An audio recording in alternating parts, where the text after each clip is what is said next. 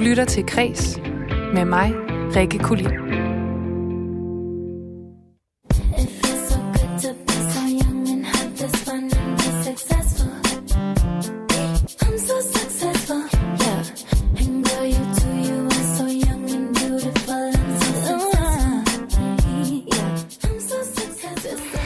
Det næste halve år, der har du mig, Rikke Kulin, i ørerne her på Kreds, mens Maja Hall, hun er på barsel.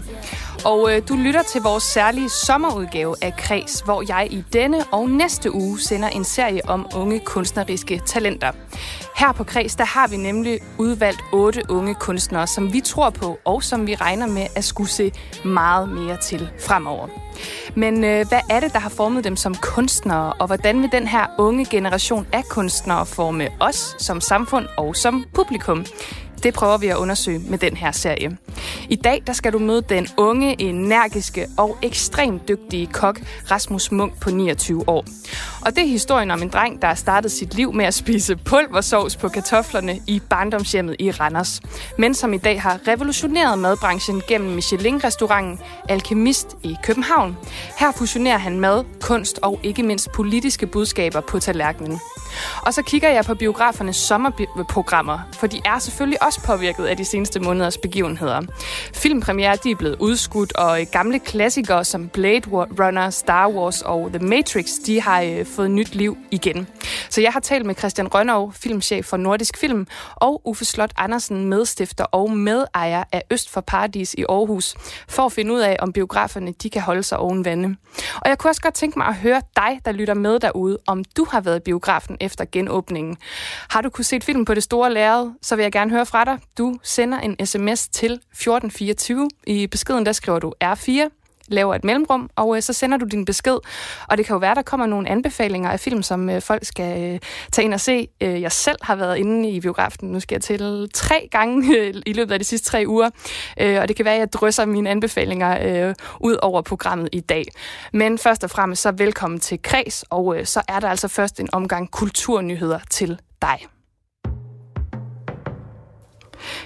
I sidste uge, der fortalte direktør i Visit Danmark Flemming Brun til Kreds, at vi lige nu ser et fuldt booket ferie i Danmark. Og det er altså noget, vi kan forvente, det varer året ud. Og et, det er, at det kan være svært at få fingrene i et sommerhus. Men noget andet, det er faktisk, at kulturinstitutionerne, de oplever overvældende interesse lige nu. Der har været masser af historier derude fra, og øh, faktisk så kan det være en god idé at booke billet på forhånd, når du skal på museum eller besøge andre attraktioner i det danske sommerland. Flere af kulturinstitutionerne, attraktionerne og museerne, de oplever en stor tilstrømning, og flere steder bliver der også slået publikumsrekorder. Det skriver DR. Den her publikumsinteresse, den skyldes flere faktorer, blandt andet et regnfuldt sommervejr, regeringens sommerpakke med 50% på billetten på rigtig mange attraktioner, og så selvfølgelig det faktum her, at flere danskere de altså holder ferie hjemme i år.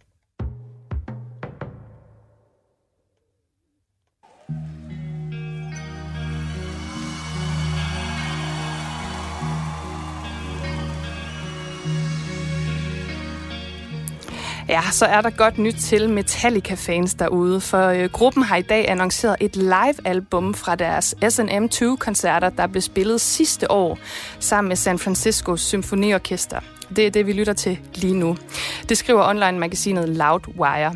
Og det her kommende live-album, det hedder altså SNM2, fordi de tilbage i 1999 udgav det første, som altså hed SNM1, hvor de spillede en koncert med det selv samme symfoniorkester. Et af numrene, det er altså øh, klassikeren Nothing Else Matters, vi lytter til lige nu. Og den sang, den stammer jo egentlig fra det album, der i folkemunden bliver kaldt The Black Album tilbage fra 1991. Og ikke nok med, at de her koncerter, de bliver til et live-album, så kommer der også en dokumentar. Begge dele, det bliver udgivet den øh, 28. August, og øh, jeg glæder mig personligt, blandt andet fordi jeg selv ejer det første album fra 1999. For det er en, en særlig ting at blande, for mig i hvert fald, metal med klassisk musik, for fordi så får vi altså den her symfoniske metal, øh, som har den her enormt smukke klam, klam, klam klang. Jeg glæder mig, og blandt numrene, der har vi altså både Nothing Else Matters, som du hørte lidt af her, men også klassikere som Master of Puppets og Enter Sandman. Du lytter til Kres med mig, Rikke Kulin.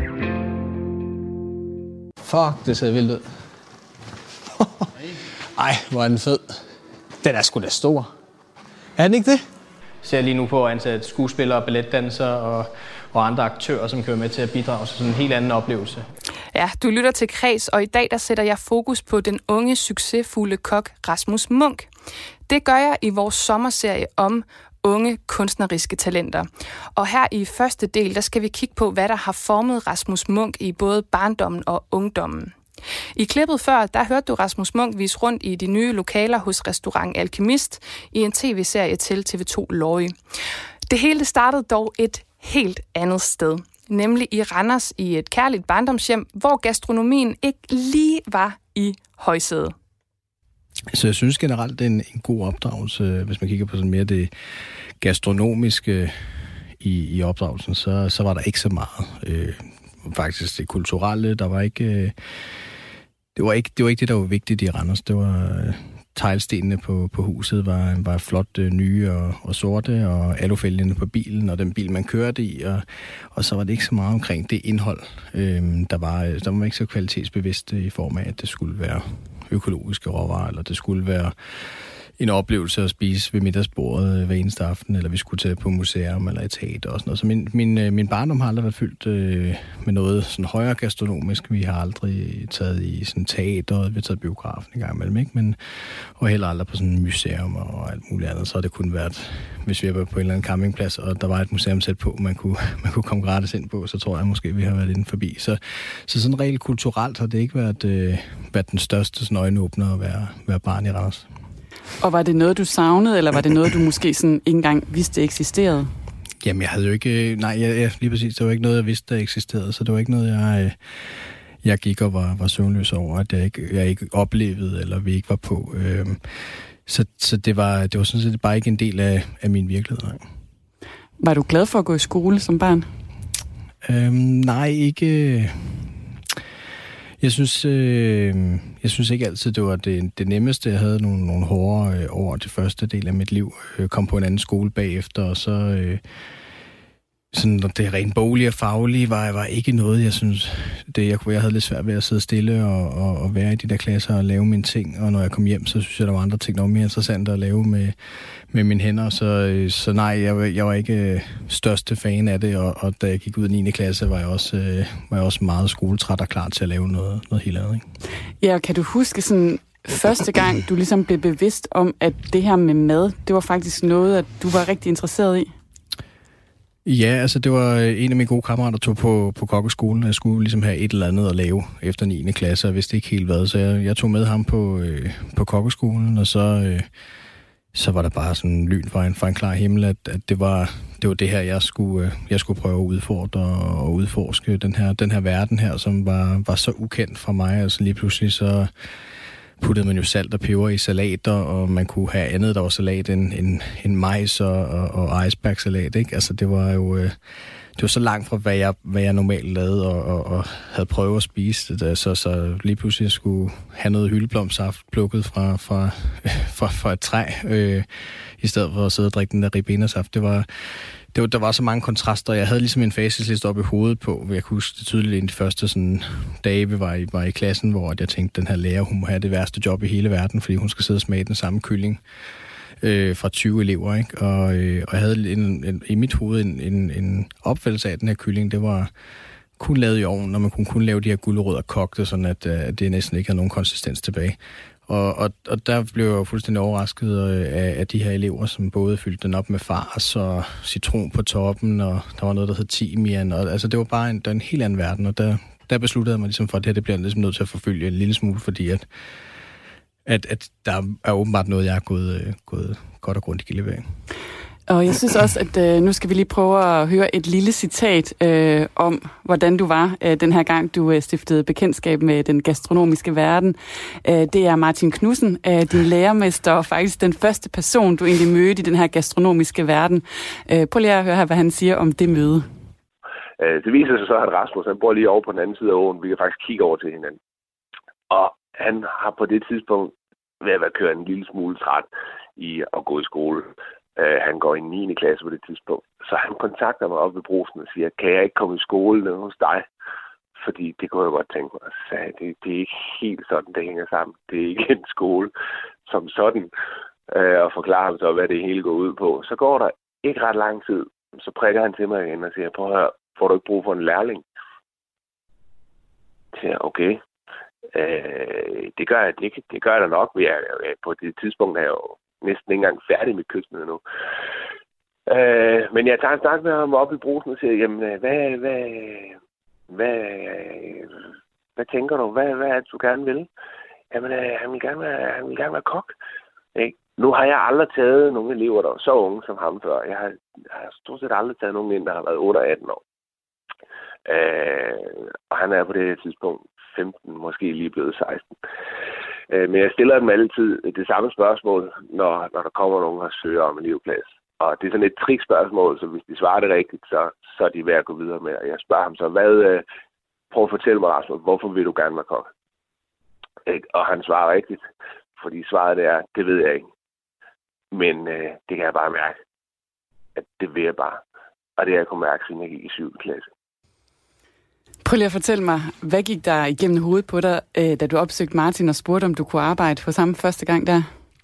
Ja, men altså det var rigtig begyndt i, i sådan lidt øh, 7. og 8. hvor man, man skulle have noget, øh, nogle snakker omkring, hvad skal man i fremtiden. Og så, der var jo ikke rigtig noget, jeg, jeg, jeg sådan lige synes, jeg skulle. Så, så jeg fik et, øh, et visitkort til et hotel i Hotel Randers øh, af en af mine faglærer, som sagde, hun synes, at jeg skulle blive, øh, blive kok. Og så var det ligesom det, jeg sådan sagde, okay, så er det nok det, jeg skal være. Øh, og så tog min kammerat så på skolen. Ikke? Øh, jeg, øh, jeg var inde og, og blev opereret i, i min hals og, og vågnede op efter sådan en narkose og, og, og kiggede på den lokale avis, øh, som er, er meget lille og lokal. Og på forsiden der var der øh, sådan en københavnersnude, der var flyttet til, til, til det mørke Jylland der, og, og, og stod i overskriften, at han ville starte kokkeskole. Og så tænkte jeg, yes, så behøver jeg ikke engang at tage over på skolen, så kan jeg bare tage ned til ham. Og så viste det sig jo, at det var teambuildings og kokkeskoler og alt muligt andet, han lavede. Øhm, og så approachede ham så til at, til at få en elevplads. Og det var, øhm, det var sådan set ikke fordi, at jeg så et eller andet lys i Martin, eller jeg havde øh, læst op på, hvem han var, eller hvad han kunne. Eller, ja, det, var, det var bare fordi, at det var det, det, det nemmeste. Han lå lige over for, jeg boede over på den anden side af vejen, var tre huse i den der by, og jeg tænkte, det må være, det må være der, jeg skal til. Så, så i, i den her proces, hvor også jeg finder ud af, at det er det her, jeg gerne vil lave, så vil de fleste måske gå hjem og åbne en bog og finde ud af, hvad, undersøge noget, der hedder Michelin-restauranter, og finde ud af, der vil jeg gerne, og sætte nogle ambitioner for sig selv, men det var ikke, øh, det var ikke rigtigt det, der var vigtigt for mig på det her tidspunkt. Der havde jeg bare, nu, nu skulle jeg ligesom have et eller andet at lave og rive i, og så heldigvis, øh, 7. blev jeg, blev jeg, kom jeg i lære der, og, og, øh, og jeg kunne lige så godt være ind på et eller andet... Øh, i et selskabslokale i, øh, i, den lokale, øh, i, i den lokale by ved siden af. Altså det, det var... Øh, jeg tror, det var til mit held, at, øh, ja, at jeg, jeg gik derned og, og spurgte Martin om en hemmelig. Og det han fortæller, det er jo også, at han allerede meget tidligt kunne mærke, at du ikke kun var interesseret i maden, du var også interesseret i alt det udenom, i at skabe stemninger og, og i at få det til at gå det hele, til at gå op i sådan en højere øh, oplevelse. Altså, hvor kom den interesse fra? Jamen, jeg tror altid, jeg har, jeg altid har kunne godt lide at lave, skabe noget for, for andre, øh, andre mennesker, og hvis at det, det omhandlede at sætte noget på benene, eller være ham, der, der ringede til de forskellige. Så altså, hele den der diversitet i arbejde var ret interessant. Øh, og det kom så meget senere, først at begynde at fokusere sådan rigtig meget på gæsteoplevelsen, fordi jeg fandt ud af, hvor meget det, det faktisk besød. Jeg kunne jo se på de selskaber og, og så videre, vi lavede på, øh, på min læreplads, at vi, øh, at vi gjorde en forskel, og når man kom ind og snakkede med kokken, og kokken kom ind og præsenterede, og, og Martin er en god fortæller, og kommer ind og, og fortæller anekdoter om retten og råvaren, og, og, og det, man kunne formidle med mad, var begyndte allerede at interessere mig ret tidligt i forhold til den landmand, der har stået og lavet det. Hvis man kunne ligesom drage gæsterne med i den her øh, historiefortælling, synes jeg, det var ret interessant. Og hvis vi så springer lidt i tid, fordi det, der så sker, det er, at du øh, deltager i en masse mesterskaber, og øh, du bliver faktisk også Danmarksmester. Øh, og øh, så tager du et lån og rejser simpelthen til London for at arbejde der. Det er noget, som du øh, ved flere lejligheder har beskrevet som en helt vildt spændende og også virkelig hård, hård tid. Måske noget af det hårdeste, du har prøvet. Mm. Øh, hvor, hvorfor, var det, hvorfor var det sådan for dig? Jamen, jeg tog, der, jeg tog, tog til London. Øh, jeg kunne ikke et, et ord engelsk, da, da jeg prøvede, og jeg prøvede at, at udfylde en, øh, sådan en ambassadeerklæring fra et visum, øh, en visumansøgning til USA øh, et par gange, og, og efter blev afvist øh, tre gange på ambassaden, øh, som ikke var det billigste at ansøge for, og, og også meget tidskrævende for mig, fordi at jeg ikke kunne, øh, kunne noget engelsk nærmest. Så, så, så, så droppede jeg det, og så tænkte jeg, så London er, er lidt nemmere at, at komme til øh, og fandt den her øh, restaurant med en dansk køkkenchef, der søgte nogle danske kokke. Og jeg havde som sagt lige vundet nogle masse mesterskaber, og var blevet Danmarksmester og Europamester, og, og var på det danske kokkelandshold og sådan noget. Så jeg var ligesom jeg havde et, et okay CV herhjemmefra, og tænkte, nu smider jeg det afsted og ser, om de vil have mig over på prøve. Og så, øh, så troede jeg, at jeg skulle over på prøve, og det viste sig så, at, øh, at jeg fik vagt, eller jeg fik øh, arbejdet øh, efter den ene vagt, og, og de forventede, at jeg sådan set var der dagen efter også at arbejde. Så øh, med den der lille øh, plastikpose, jeg havde med fra, fra Netto, fyldt med alt mit, øh, mit tøj, så øh, til, til en dags overnatning, det blev så til, til fire måneders ophold, og så, øh, så hjem, og så øh, lige vende til, til noget landsholdssamling, og så tilbage igen. Øhm, så det var en... Øh, det var en rigtig hård tid i forhold til, at jeg var, var 18 år gammel, næsten 19, og, og øh, kommer fra den her lille by i Randers, havde fået nogle oplevelser, trods alt i at være i lære og arbejde på nogle toprestauranter i København, og, og havde set mange dele af branchen, så jeg var ligesom ikke sådan helt øh, grøn mere i det, men, men der var stadigvæk noget stort i at skulle flytte helt alene til, til, til Stor London og, og gå fra i at være i den her lille boble i Jylland til at være i et meget multikulturelt samfund, hvor der er alle mulige kulturer og diversiteter. Altså det var, det var øh, meget lærerigt, altså menneskeligt øh, at være der, øh, og også rigtig meget fagligt, og så var det en, en by, der bare rummede af, af summen, og altså, det er jo lidt ligesom New York, ikke? Altså, det, der, der foregik noget hele tiden, og den, øh, det, det blev jeg ret meget forelsket i, at der, at der skete noget øh, hele tiden, når man gik på arbejde, når man gik hjem fra arbejde. Øhm, og så var det lidt mere det engelske regime, der, der styrede derover i form af køkkenet. Det var, øh, det var meget lange dage fra, fra 7-8 morgen til, til meget sen nat øh, hver eneste dag. Og det var, øh, der var søndag, der var, der var fri. Øh, og det var en fantastisk dag, men det var også en dag, hvor man bare, man bare sov igennem. Så, så det er klart at presse sig selv så meget arbejdsmæssigt, og også at en ting er at arbejde mange timer, men hvis man ikke har det godt, når man arbejder der, så, det, øh, så kan det være, være rigtig intens og hårdt. Og det, det var lidt mere øh, hårdt psykisk at, at skulle køre sådan et sted der, og i, i en alder af 19-18 år blev jeg både souschef derovre og assisterende på en, på en restaurant, eller på en restaurant, som havde Michelin-stjerne, ikke? Og, og skulle styre et hold, der var mange kokke, der var meget ældre end mig, kom fra andre steder i verden, og med gebrokken engelsk. Og, altså, det var, det var en, øh, en hård, men også en øh, meget lærerig, altså en giverig øh, periode. Det sagde Rasmus Munk til min kollega Lene Grønborg Poulsen.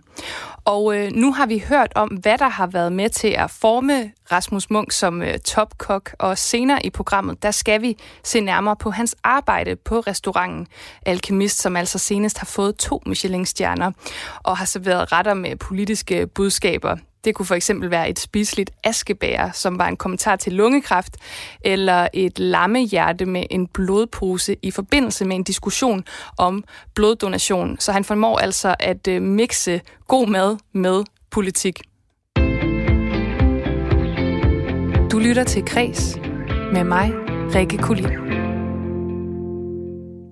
Coronapandemien, den har ramt alle aspekter af kulturlivet, og øh, derfor så er de danske biografer selvfølgelig også påvirket.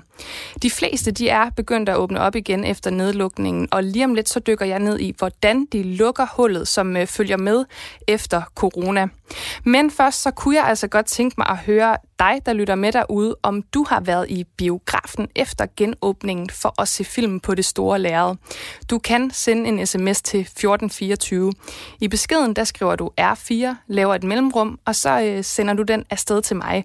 Og det kunne jo være, at du havde en anbefaling med på vejen. Jeg har for eksempel været inde og se Little Women. Den øh, kører rigtig godt i biograferne lige nu, og det er jo en, øh, en genindspilning af en film, der faktisk har været øh, øh, indspillet mange gange. Jeg tror, det er den 26 genindspilning af Little Women øh, af instruktør Greta Gerwig her. Hun har så kun instrueret den 26. men ikke desto mindre, så øh, sad jeg både og øh, grinede, og jeg må også indrømme, at jeg græd mig hele vejen igennem den her film. All I have for you is a word. Tell it. It'll open the right doors,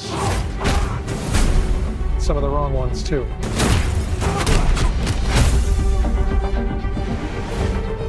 Use it carefully. Ja, fra Little Women og så til Christopher Nolans Tenet, fordi premiere på store Hollywood-blockbusters, som for eksempel Tenet her, eller Disneys live-action udgave af Mulan, de er altså blevet udskudt, øh, som er en af følgerne af corona. Og det samme, det gælder også selve filmoptagelserne til film. Blandt andet øh, optagelserne til den kommende The Batman og til The Matrix 4. Men det kan til gengæld skabe plads til andre slags film i biografsalene hos de store biografer, der jo normalt har de her amerikanske sommerblockbusters på plakaten. Og det sagde filmchef hos Nordisk Films biografer Christian Rønnow, da jeg talte med ham tidligere i dag. Så er der mere plads på hylderne, kan man sige. Der er mere plads til nogle af de andre film, vi har liggende. De får lidt, øh, lidt flere forestillinger, lidt længere spilletid. Øh, det gælder både øh, børnefilm og øh, kunstneriske film og dramaer osv. Den, der, er, øh, der er lidt mere plads at give af, der er lidt mindre konkurrence i markedet, og det drager de andre film selvfølgelig fordel af. Øh, et eksempel kunne være en film som Peanut Butter Falcon for eksempel, som, som også er en amerikansk film, som er en film, der får virkelig gode anmeldelser. Det er ikke en film, som, som normalt trækker et stort publikum. Og i og med, at vi nu har plads til at holde filmen på programmet i længere tid, så har den også en mulighed for at sælge lidt flere billetter ud til et bredere publikum. Ja, de lidt smallere film, de har altså mulighed for at shine lidt mere nu, men et af de tiltag, Nordisk Films biografer de har indført for at nå ud til et bredere publikum, det er faktisk visninger af gamle klassikere. I morgen, der kan du for eksempel gå ind og se den her. You take the blue pill. The story ends. You wake up in your bed and believe whatever you want to believe. You take the red pill. You stay in Wonderland, and I show you how deep the rabbit hole goes.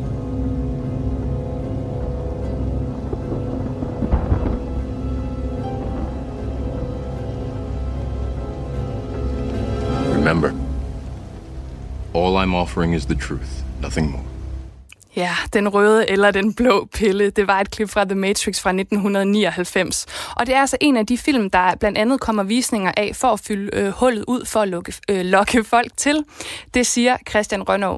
Det er en genre, som vi mangler lige i øjeblikket. Der er, det, der er et fast publikum til den her type film, og når vi ikke kan få nye film i den her genre, så bruger vi tiden på at, at vise nogle af vores gamle så øh, hver uge finder vi lige i øjeblikket nogle øh, lidt ældre actionfilm, som vi tilbyder publikum.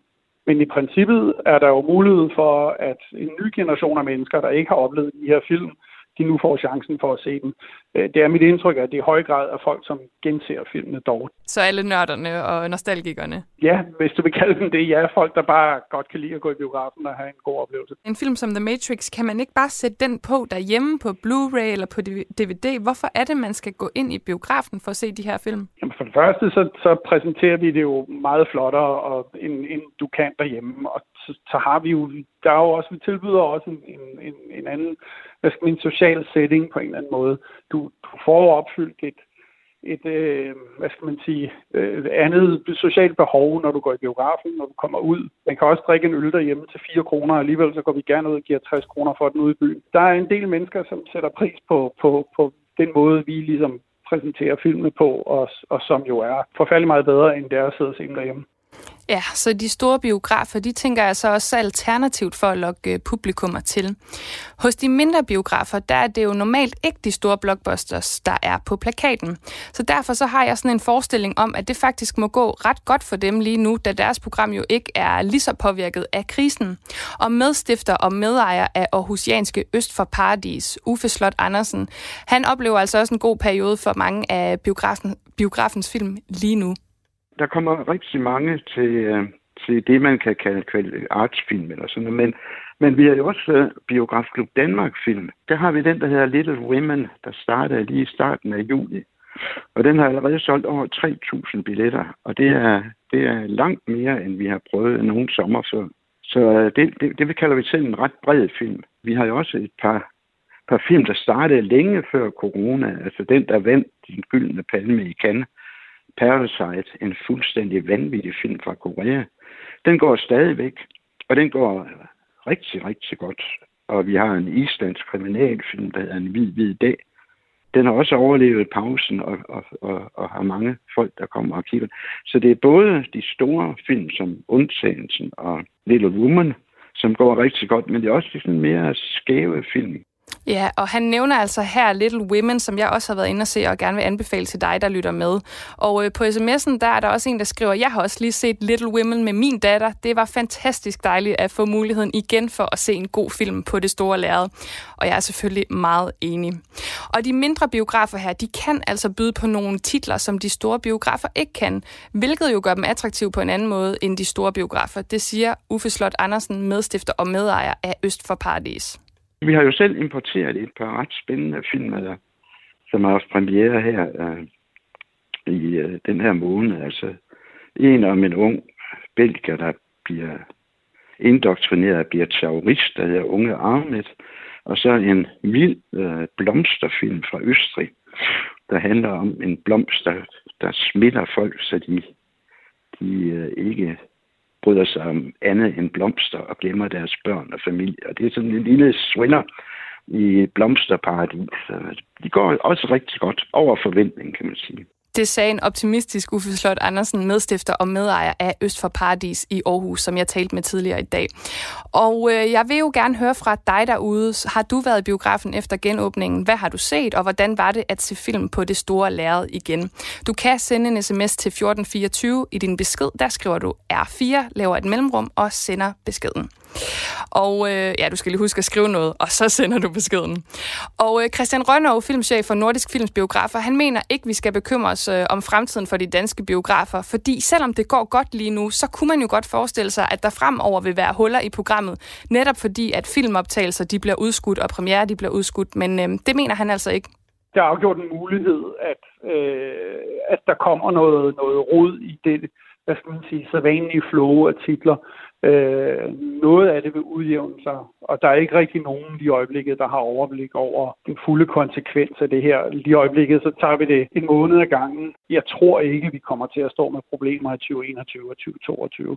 Men hvis vi skulle gøre det, så må vi jo komme op med en løsning, som, som lige nu for eksempel. Og hvis der nu skulle være de her huller, hvor, hvor I netop skal komme op med en løsning. Er faren så ikke, at de ender med at blive til sådan et sted som for eksempel Cinemateket, som jo konsekvent kun viser øh, film, der for længst har haft biografpremiere, eller, eller meget, meget smalle film? Der vil stadigvæk blive blive øh, produceret lige så mange spillefilm. Der vil stadig være, være et publikumsmæssigt behov for det fremadrettet. Vi vil i løbet af øh, et års tid eller halvandet, og hvor lang tid det tager, før coronaen går væk, så vil det komme tilbage til normalisering til verden, som vi kendte den før. Så vi skal ikke forvente at se en masse stumfilm i nordisk filmsbiografer?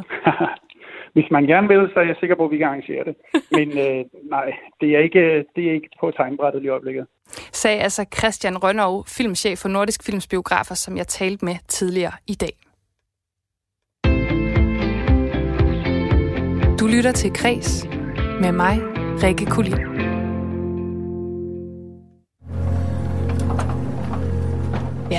Nu skal vi tilbage til vores sommerserie om unge kunstneriske talenter, hvor vi i dag taler med topkokken Rasmus Munk fra restauranten Alkemist. Og går man ind på restaurantens hjemmeside, så er det altså også en meget sanselig oplevelse, som blandt andet indeholder det her lyddesign, du kan høre lige nu som baggrund. Og jeg skal lige understrege, at øh, Restaurant Alkemist har jo fået ekstremt meget mediebevågenhed, også af udenlandske medier. Ikke mindst efter, at øh, Rasmus Munk han serverede retter som blandt andet et spiseligt askebær, der var en kommentar til lungekræft og et lammehjerte med en blodpose for at diskutere bloddonationen. Og øh, visionen og motivationen til sådan en restaurantoplevelse, den øh, kom til Rasmus efter et ophold på to andre restauranter, hvor hans inspiration faktisk var i gang med at gå i stå. Ja, altså, det var, det var drømmen på, på daværende tidspunkt. Altså, jeg kom hjem fra, fra London og, og havde, havde brug for at, at lige finde mig selv, så jeg brugte faktisk, jeg tror, fire måneder på, på en restaurant i Aarhus med en, med en god kammerat for landsholdet, som havde en, øh, hans far havde en restaurant, og faren skulle operere. Så, så jeg var ligesom stand en køkkenchef der og kunne det var lidt mere casual, øh, så man kunne, man kunne ligesom læne sig lidt tilbage og, og slå hovedet fra en gang imellem, og, og også lige revidere, hvad er det, man skal, for jeg var kørt ret hårdt i, i London. Øh, og så øh, søger de den her køkkenchef øh, på, på Treetop, og, og jeg ansøger og bliver, bliver ledende der, og, og køkkenchefen, der skulle ligesom få den her restaurant op at køre. Og vi blev årets gennembrud og årets unge kokketalent, og fik nogle, nogle fine heder og priser, og blev en af de bedste 10 restauranter i Danmark og sådan noget. Så, så vi, vi, vi nåede rimelig langt, og Og jeg tror bare, jeg følte på et tidspunkt, at, øh, at jeg stod op, og så lavede jeg mad med, med kun den ene arm og, og den anden arm på ryggen. Altså, det var ligesom den samme historiefortælling, som skulle gøres for at lave en succes. Altså, det var øh, altså finde de, de rigtige lokale råvarer og bruge så meget lokalt som overhovedet muligt, selvom det måske ikke var den bedste kvalitet. Øh, tilberede det selvfølgelig rigtig godt og, og, og, og, og have noget, noget, noget følelse for det selvfølgelig, men, men, men man kunne også godt finde det der naturporcelæn, der var ved, ved hippien, der, der boede over på den anden side af åen, ikke? Og, altså, der, der var bare så mange, der var så mange ekoer af alle mulige andre restauranter, og det var... Øh, jeg begyndte på et tidspunkt at sige at, øh, til en journalist, at min mor øh, var hende, der inspirerede mig. Hun lavede rigtig god mad, og min mor laver virkelig dårlig mad. Så altså, jeg får til at skal. Men, men, men hun, hun er ikke verdens bedste kok i hvert fald. Og, og der var det bare, at det, jeg begyndte bare at sætte sådan en anden virkelighed op for mig selv, og jeg, jeg har sgu aldrig blevet inspireret af, af min mor, eller ved at gå en tur i skoven. Og, altså, så, så det var bare på et tidspunkt, hvor jeg tænkte, det her, det må, det må stoppe nu. Altså. Øh, og jeg lavede noget, jeg har en forening, der hedder Ønskejul, hvor jeg laver med til, sammen med et stort team af frivillige, laver med til, til hårdt ramme børnefamilier juleaften. Og, øh, og det vi laver der, det er sådan helt nede på jorden, stegt and, brune kartofler, lidt kogte kartofler og brun sovs. Og, og den, den aften gav mig meget mere glæde end at arbejde de her 80 timer hver eneste dag, eller hver eneste uge. Øh, og, og, og skaffe madanmeldelser, der var gode, og, og komme op på lister og få noget personligt øh, opnå en personlige mål, det, var, det, det gav mig mere, øh, kunne jeg mærke, at, at arbejde med det her, hvor jeg gjorde en forskel. Øh, og, og så valgte jeg faktisk i, i januar der, øh, efter den her juleaften, og så, øh, og så simpelthen sige op og sige, at jeg skal et eller andet andet med mit liv, øh, uden at have noget på, ja, noget på hænderne.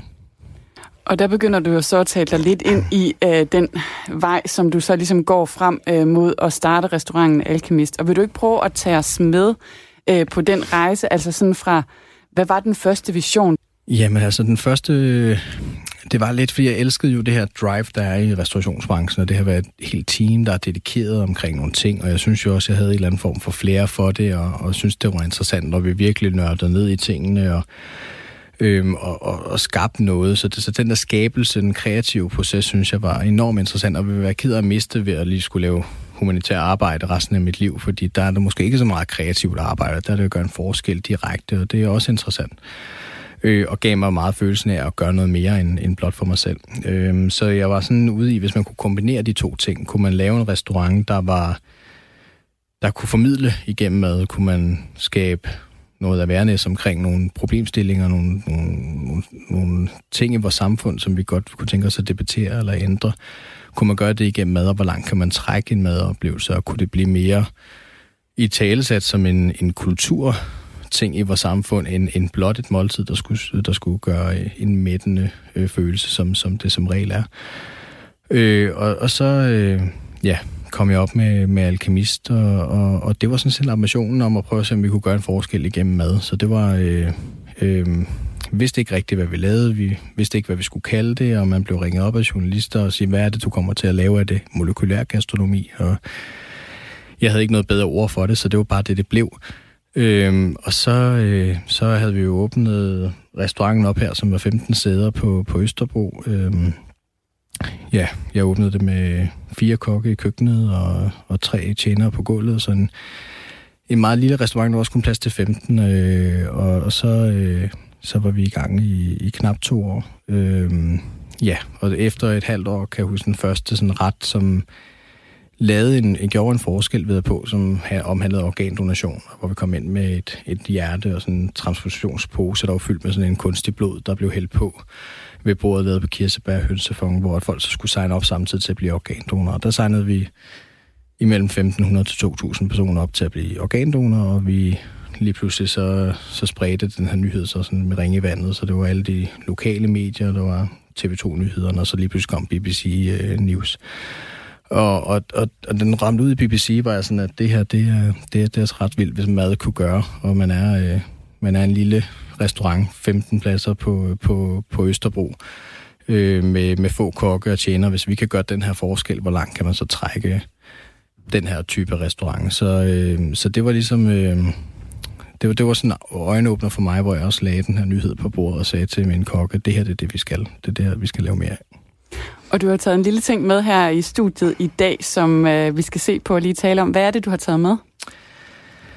Jamen, det, det er sådan set øh, to af de sådan, remedier, som vi bruger lidt, og måske forklarer lidt omkring, hvad vi gør på det nye alkemist her. Øh, og, og, og den ene ting er, er meget sådan sensorik oplevelse. Det er en, en kunstig tunge, øh, lavet silikone, som man får serveret en af retterne på. Og, og den har sådan en, en silikonefølelse, som, så når man spiser den, føler man lidt, man, man tungekysser. Og det, øh, det er jo det eneste sted, man må gøre det her under corona, det er på Alkemist. Men udover det, så skaber det sådan en, en meget sensuel oplevelse for, for, øh, for vores gæster, og det, det gør, at, at den, den leger virkelig med tankerne omkring bestik og den måde, vi serverer på. Og for første gang i, i min karriere som kok, så får jeg at vide hver aften, om vi vasker den, altså vasker i den her af. Og det, det gør vi jo også med skeer, som bliver brugt igen og igen, og det gør vi også med den her tunge her. Men det er bare ret interessant, at, at gæsterne synes, at det er så øh, specielt, og vi har lavet en videnskabelig artikel, vi er i gang med, hvor vi har lavet en test på, på 80 testpersoner, og der er nogle 90 procent synes, at den smager meget bedre på en tallerken, end den gør på den her tunge, nøjagtigt samme ret. Og det, det er jo ret interessant, fordi så, øh, så, så sætter vi ligesom spørgsmålstegn til, hvad er det, der Øh, hvad, hvad, er det, hvad er det rigtige, hvad er normen, og, og hvorfor går vi ikke uden for det her. Øh, så vi synes, den bidrager med, med noget virkelig øh, sensorisk øh, til oplevelsen, og også sætte nogle spørgsmålstegn ved, hvad, hvad er det, vi gør, og hvorfor gør vi det på den måde, som vi nu gør. Og så er det klart, at den, den provokerer nogle folk til at, at tænke lidt anderledes, og også stille nogle tanker, og jeg tror, det er en af de retter i vores om aftenen, som bliver nævnt allermest som den, der måske har trigget dem mest, øh, men også en af dem, hvor de virkelig tænker, hvorfor var det, jeg ikke kunne lide det? Hvorfor var det, jeg synes, det ikke var interessant? Altså, hvad var det, der var ubehageligt ved den, ved den her oplevelse? Og hvad er den anden ting, jeg kan se, du har med der? Ja, den anden ting er en, øh, en tallerken lavet af en, øh, af en, af en kunstner, der hedder Kurt fra, fra Esbjerg, som øh, vi, vi spurgte, om ikke vil samle noget af alt det her plastikaffald, vi har på, på de danske strande og så lave nogle tallerkener ud af det, for vi godt kunne tænke os at i tale sætte vores, øh, vores plastik i havene. Øh, som både internationalt og nationalt er, er et stort problem, og DTU kom ud med en rapport sidste år, at, øh, at 30 procent af danske torsk er, er fyldt med mikroplast indeni. Øh, så så vi, vi vil gerne øh, showcase det, og det er ligesom en af de ting, vi gør på restauranten. Så har vi lavet en, en tallerken her med affald fra, fra Vesterhavet, hvor vi får vores torsk fra os, og så ligger vi vores torske kæbeben på den her med noget spiselig plastik på toppen, øh, som skal illustrerer øh, vigtigheden af, af det her budskab, samtidig med, at der svømmer nogle, øh, nogle, nogle øh, lille vandmænd rundt i, øh, i den her halvkugle, vi har i restauranten, med, med nogle øh, plastikposer imellem. Ja, og det sagde Rasmus Munk til min kollega Lene Grønborg Poulsen. Og jeg er jo selv fra Esbjerg og Vesterhavet, så det er enormt fascinerende at høre, hvordan det sted, man kommer fra, det bliver til et politisk budskab på en tallerken. Øh, jeg må bare sige, at øh, Rasmus Munk her, han formår altså at øh, blande ja, både god mad, men altså også budskaber i sin gastronomi. Du lytter til Kres med mig, Rikke Kulin.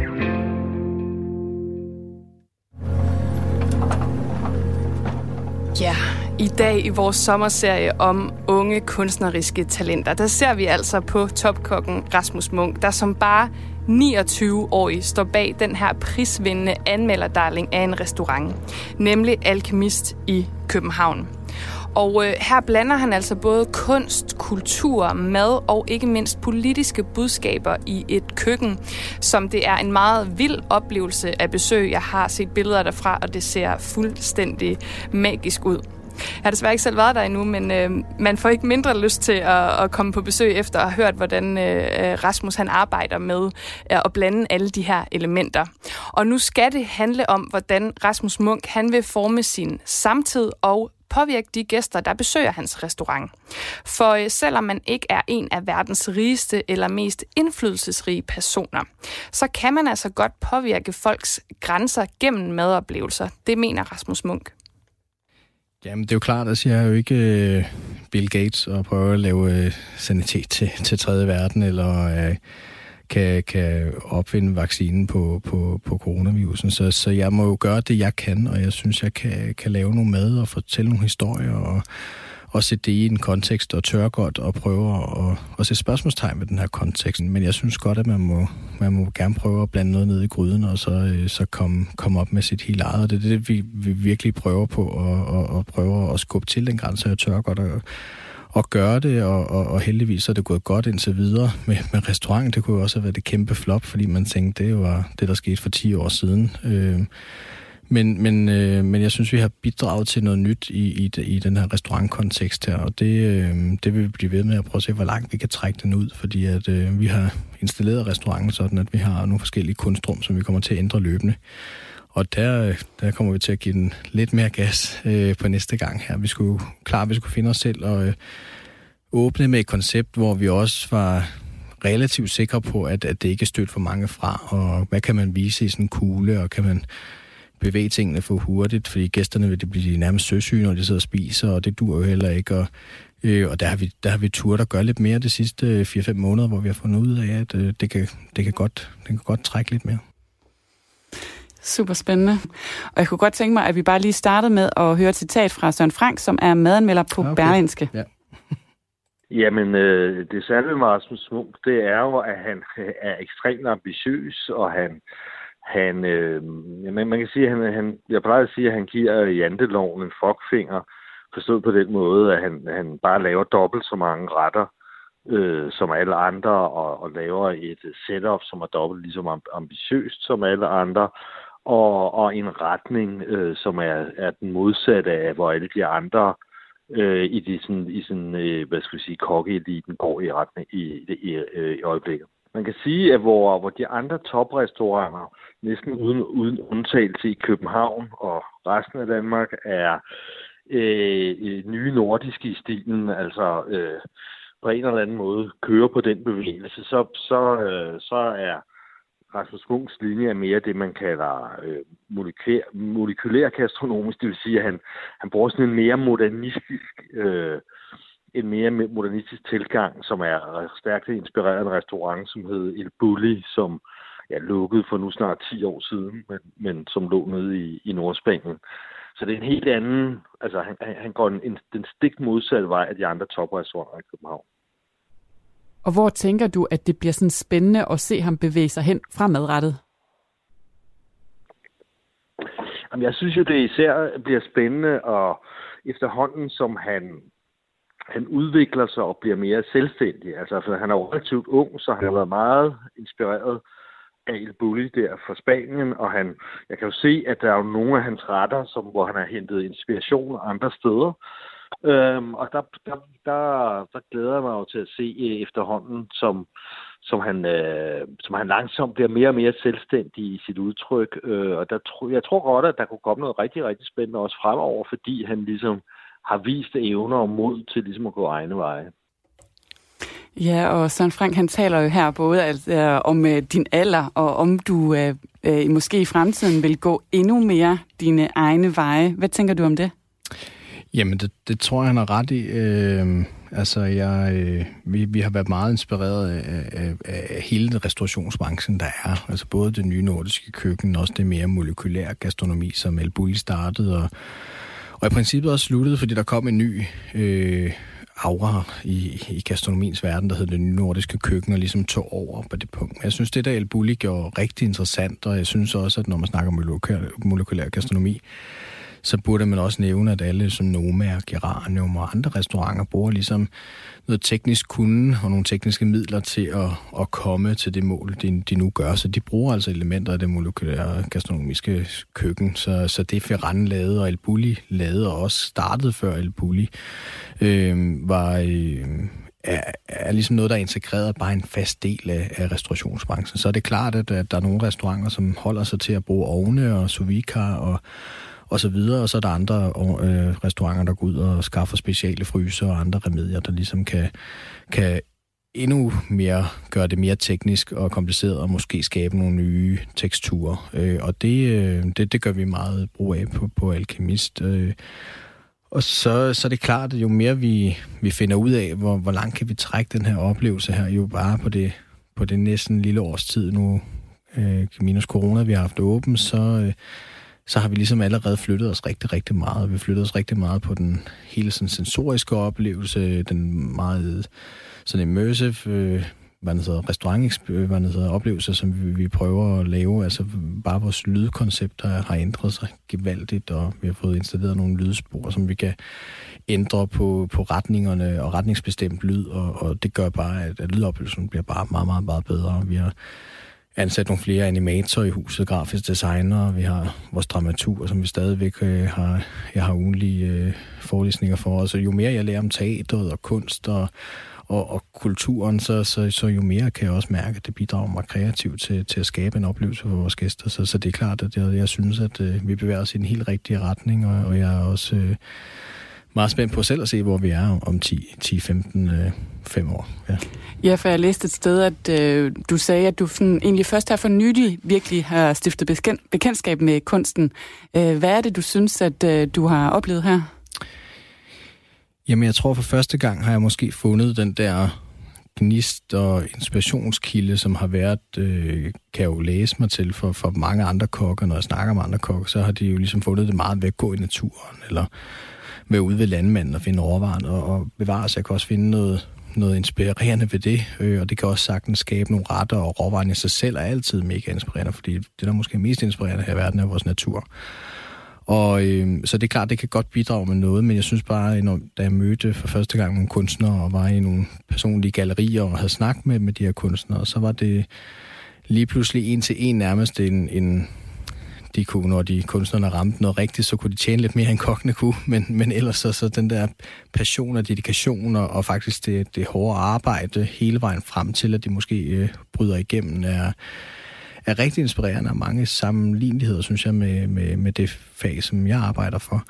Øh, og så de fleste kunstnere, synes jeg også, har et eller andet budskab med det, de prøver at fortælle, og det, de gerne vil, vil snakke om, det bliver meget personligt øh, gjort, og det, det gør det jo også på en restaurant, en restaurant som denne, hvor man virkelig lægger noget tid og nogle kræfter i det, og har en, en større historie. Så jeg synes, jeg fandt nogle, nogle, nogle pardonger, hvor jeg tænkte, den der, der kan du, du kunne tage det der nærmest og lave det til en ret, og så vil det være, være fantastisk. Og i den her del, der taler vi så også øh, ofte om nogle af de udfordringer, der kan være på vej hen mod målet. Øh, og øh, her synes jeg også lige, vi skal lede, øh, vende, at øh, udefra set, der er du en person, der virkelig virker bare passioneret og fuld fart ud af landevejen, men kan det måske også være din udfordring? Altså, du har tidligere fået øh, tre blodpropper. Øh, har de fået dig til at tænke over dit eget sådan, ambitionsniveau, og på om du nogle gange måske presser dig selv for meget arbejdsmæssigt? Ja, altså det er klart, jeg vil, jeg vil sige, at de tre blodpropper gjorde, at, øh, at man tænker lidt mere over det, men, men, men når jeg skal være helt bundærlig, så kan man jo også godt se på mig, det er jo ikke, fordi jeg har, har sexpacken endnu, så, så jeg spiser nok stadigvæk ikke sådan helt vildt godt, og, og, og er nok en, en livsnyder for meget til, at jeg, jeg kan ændre mit liv fuldstændig radikalt, men, men jeg vil sige, at coronakrisen har måske faktisk været den, der har gjort den største øjenåbner for mig, fordi jeg har altid ligesom skjult mig bag ved den her undskyldning, at have tid nok, og jeg har ikke tid til at gå i træningscenteret, jeg har ikke tid til lige at løbe den her tur, eller nu har jeg arbejdet 18 timer, så må jeg i hvert fald gerne spise det her pølsehorn fra 7-Eleven. Ikke? Altså, så der er ligesom sådan nogle, øh, nogle, nogle grænser og nogle, nogle ting og regler, jeg sætter op for mig selv, og altid er det, som jeg ikke har haft tid nok. Og så i, i coronakrisen, øh, alt andet lige, selvom vi lavede noget projekt til hjemløse, og vi, øh, vi arbejdede på nye retter, så, øh, så arbejdede jeg jo ikke 18 timer mere om dagen. Jeg arbejdede måske 6 timer, 10 timer, 8 timer om dagen. Og, og stadigvæk så havde jeg ikke tid til at gå ned og, og lige løbe. Nu var det svært at gå i fitnesscenterne, men løbe den eller nå at tage mine vitaminpiller om, om, øh, om morgenen, eller spise min morgenmad, eller få middagsmad, og, og, og de der faste rutiner for mig selv. Så jeg fandt ligesom ud af, at det er ikke, fordi jeg ikke har tiden til det, det, det er, fordi jeg ikke prioriterer det ordentligt. Og, og det, det, det gjorde sådan set, at jeg ændrede sådan ret radikalt den måde, vi leder vores virksomhed på nu og den måde, jeg er en del af den, og hvor jeg skal være hen i, i fremtiden her. Så det, nu er der jo kun gået to-tre uger, så det er ikke, øh, det er ikke fuldendt endnu, men, men, men jeg synes faktisk, jeg er ret godt på vej nu. Så, så, så jo, jeg synes, jeg tænker over det mere og mere, at, at jeg skal for at opnå nogle af de her ambitioner her, så skal jeg jo ligesom også overleve til at gøre det. Øh, og der, også derfor dur det jo ikke, at jeg brænder, brænder lyset ud i begge ender, øh, før der overhovedet der er kommet i mål med det, jeg skal. Så, så jeg synes ikke, jeg skruer ned for ambitionsniveauet, men, men vi, øh, jeg prøver at stabilisere det i, i en hverdag, hvor jeg også selv kan fungere. Ja, det sagde Rasmus Munk til min kollega Lene Grønborg Poulsen. Og kok Rasmus Munk, han er altså bare et af otte unge kunstneriske øh, talenter, vi sætter fokus på her de næste par uger på Kreds. I morgen i den her serie, der portrætterer vi koreografen Gunilla Lind, og øh, hun passede altså ikke helt ind på nogen danseuddannelse, så øh, hun gjorde det selv og startede op som selvstændig dansekoreograf. Og Gunilla Lind, hun har en mission om at gøre moderne dans mere tilgængeligt. Og du kan altså lytte med i morgen og høre om, hvordan det skal foregå. Og så vil jeg også lige huske dig på, at du jo kan finde de tidligere udsendelser med Sylvester Byder, som er skuespiller og kendt fra blandt andet Fred til Lands. Og så også forfatter Tine Hø, som lige nu er aktuel med Tour de Chambre. Dem kan du finde inde på Radio 4's app, eller der, hvor du ellers lytter til podcast. Og så er vi næsten færdige for i dag, men jeg synes, vi skal have lidt musik. Du skal lytte til en sang fra Greta Schenk. Hun kalder sig selv Greta, det er altså kunstnernavnet, og hun har blandt andet tidligere været en del af Ida Red. Den her sang, den er altså fra hendes eget projekt, som hedder Greta, ganske enkelt. Og øh, jeg har valgt hendes seneste single, som hedder Hydrogen. Og jeg kunne egentlig have valgt altså hvilken som helst af hendes sange, fordi jeg elsker det her univers. Det er enormt drømmende, og det er fyldt med nostalgi. Så her får du Greta med Hydrogen.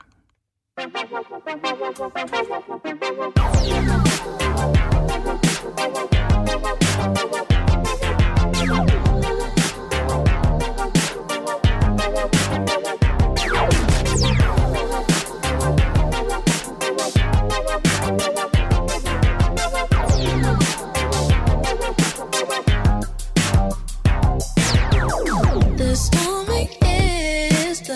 darkest bridge of soul.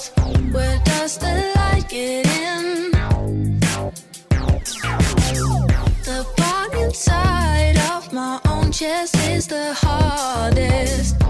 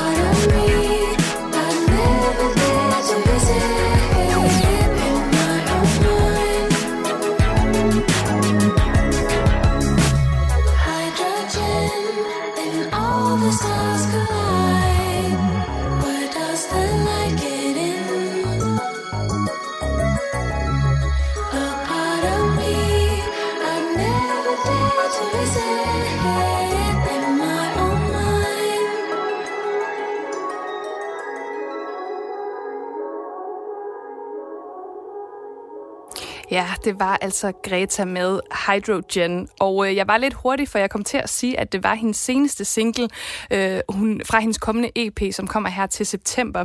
Men faktisk så har hun her i jul, øh, juli måned også udgivet singlen Spin, som jeg også synes, man skal tjekke ud. Og jeg har, var især også glad for det nummer, der hed Bad Lover fra sidste, øh, sidste år. Men inden jeg takker af for i dag, og øh, du skal selvfølgelig blive hængende her på Radio 4, fordi lige om lidt så er der nyheder, og bagefter så kan du lytte til Stream and Chill med William Eising og gæster. Men inden da, så har jeg jo i dag også haft fokus på biograferne og deres genåbning, udover selvfølgelig, at vi har lavet det her portræt af kok Rasmus Munk.